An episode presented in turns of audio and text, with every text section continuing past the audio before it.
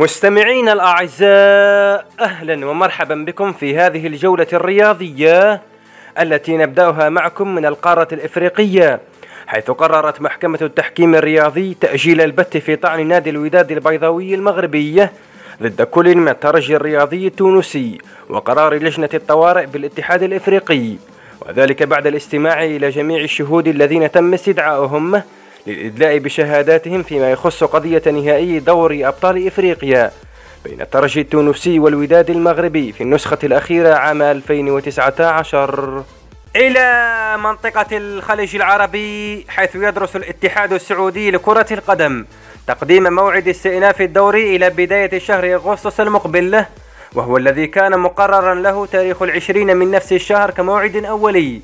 كما ينتظر الاتحاد السعودي المستجدات حول آلية عودة لاعبي الأندية الأجانب لاستكمال الدور المتوقف منذ منتصف شهر مارس الماضي بسبب فيروس كورونا. وفي القارة الأوروبية العجوز يدرس الاتحاد الأوروبي لكرة القدم تغيير مكان إقامة المباراة النهائية لدوري أبطال أوروبا لموسم 2019-2020 من مدينة إسطنبول التركية بسبب تفشي وباء فيروس كورونا. وكشفت تقارير صحفية أنه من الممكن إقامة النهائي في مدينة لشبون البرتغالية مشيرة إلى أن الاتحاد الأوروبي تلقى عروضا من أندية أوروبية أخرى من أجل استضافة النهائي. ومن كرة القدم إلى التنس إذ أعرب رئيس الاتحاد الإيطالي لكرة المضرب أنجيلو بيناغي يوم الجمعة الماضي أعرب عن ثقته بتنظيم دورة روما للرجال والسيدات في النصف الثاني من شهر سبتمبر المقبل.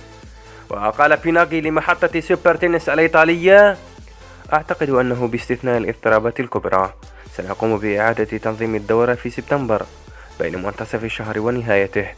مضيفا يقولون لي وخصوصا أبناء روما إنه موسم استثنائي أفضل وقت ممكن للعب كرة المضرب. وأشار بيناكي إلى أنه سيلتقي قريبا وزير الرياضة فينشينزو سبادافورا لبحث سبل السماح للجمهور بالاستمتاع بهذا الحدث الكبير. إلى عالم المحركات السريعة حيث أعطت الحكومة النمساوية يوم السبت الماضي الضوء الأخضر لانطلاق منافسات بطولة العالم للفورمولا 1 بعد تأخير لأشهر بسبب فيروس كورونا وسمحت بإقامة سباقين متتاليين أوائل شهر يوليو المقبل خلف أبواب موصدة في وجه المشجعين. محطتنا التالية مع معشوقة الجماهير الأمريكية كرة السلة حيث أوردت صحيفة لوس أنجلوس تايمز الأمريكية أن مفوض رابطة دوري كرة السلة الأمريكي للمحترفين آدم سيلفر طرح خلال اتصال جماعي مع مالكي الأندية يوم الجمعة الماضي طرح عليهم تاريخ الحادي والثلاثين يوليو المقبل موعدا لاستئناف المنافسات المعلقة منذ شهر مارس الماضي بسبب فيروس كورونا المستجد. ومن كرة السلة إلى رياضة الماراثون إذ أعلن منظمو ماراثون بوسطن وعمدة المدينة يوم الخميس الماضي أن نسخة عام 2020 التي تم تأجيلها من العشرين أبريل الماضي إلى الرابع عشر سبتمبر المقبل بسبب تفشي فيروس كورونا قد ألغيت نهائيا وسيستعاض عنها بسباق افتراضي. وقرر المنظمون الاستعاضة عن الماراثون الفعلي بآخر افتراضي. يقام بين السابع والرابع عشر سبتمبر المقبل كاشفين عن سلسلة من الأحداث والأنشطة الافتراضية طوال أسبوع الماراثون.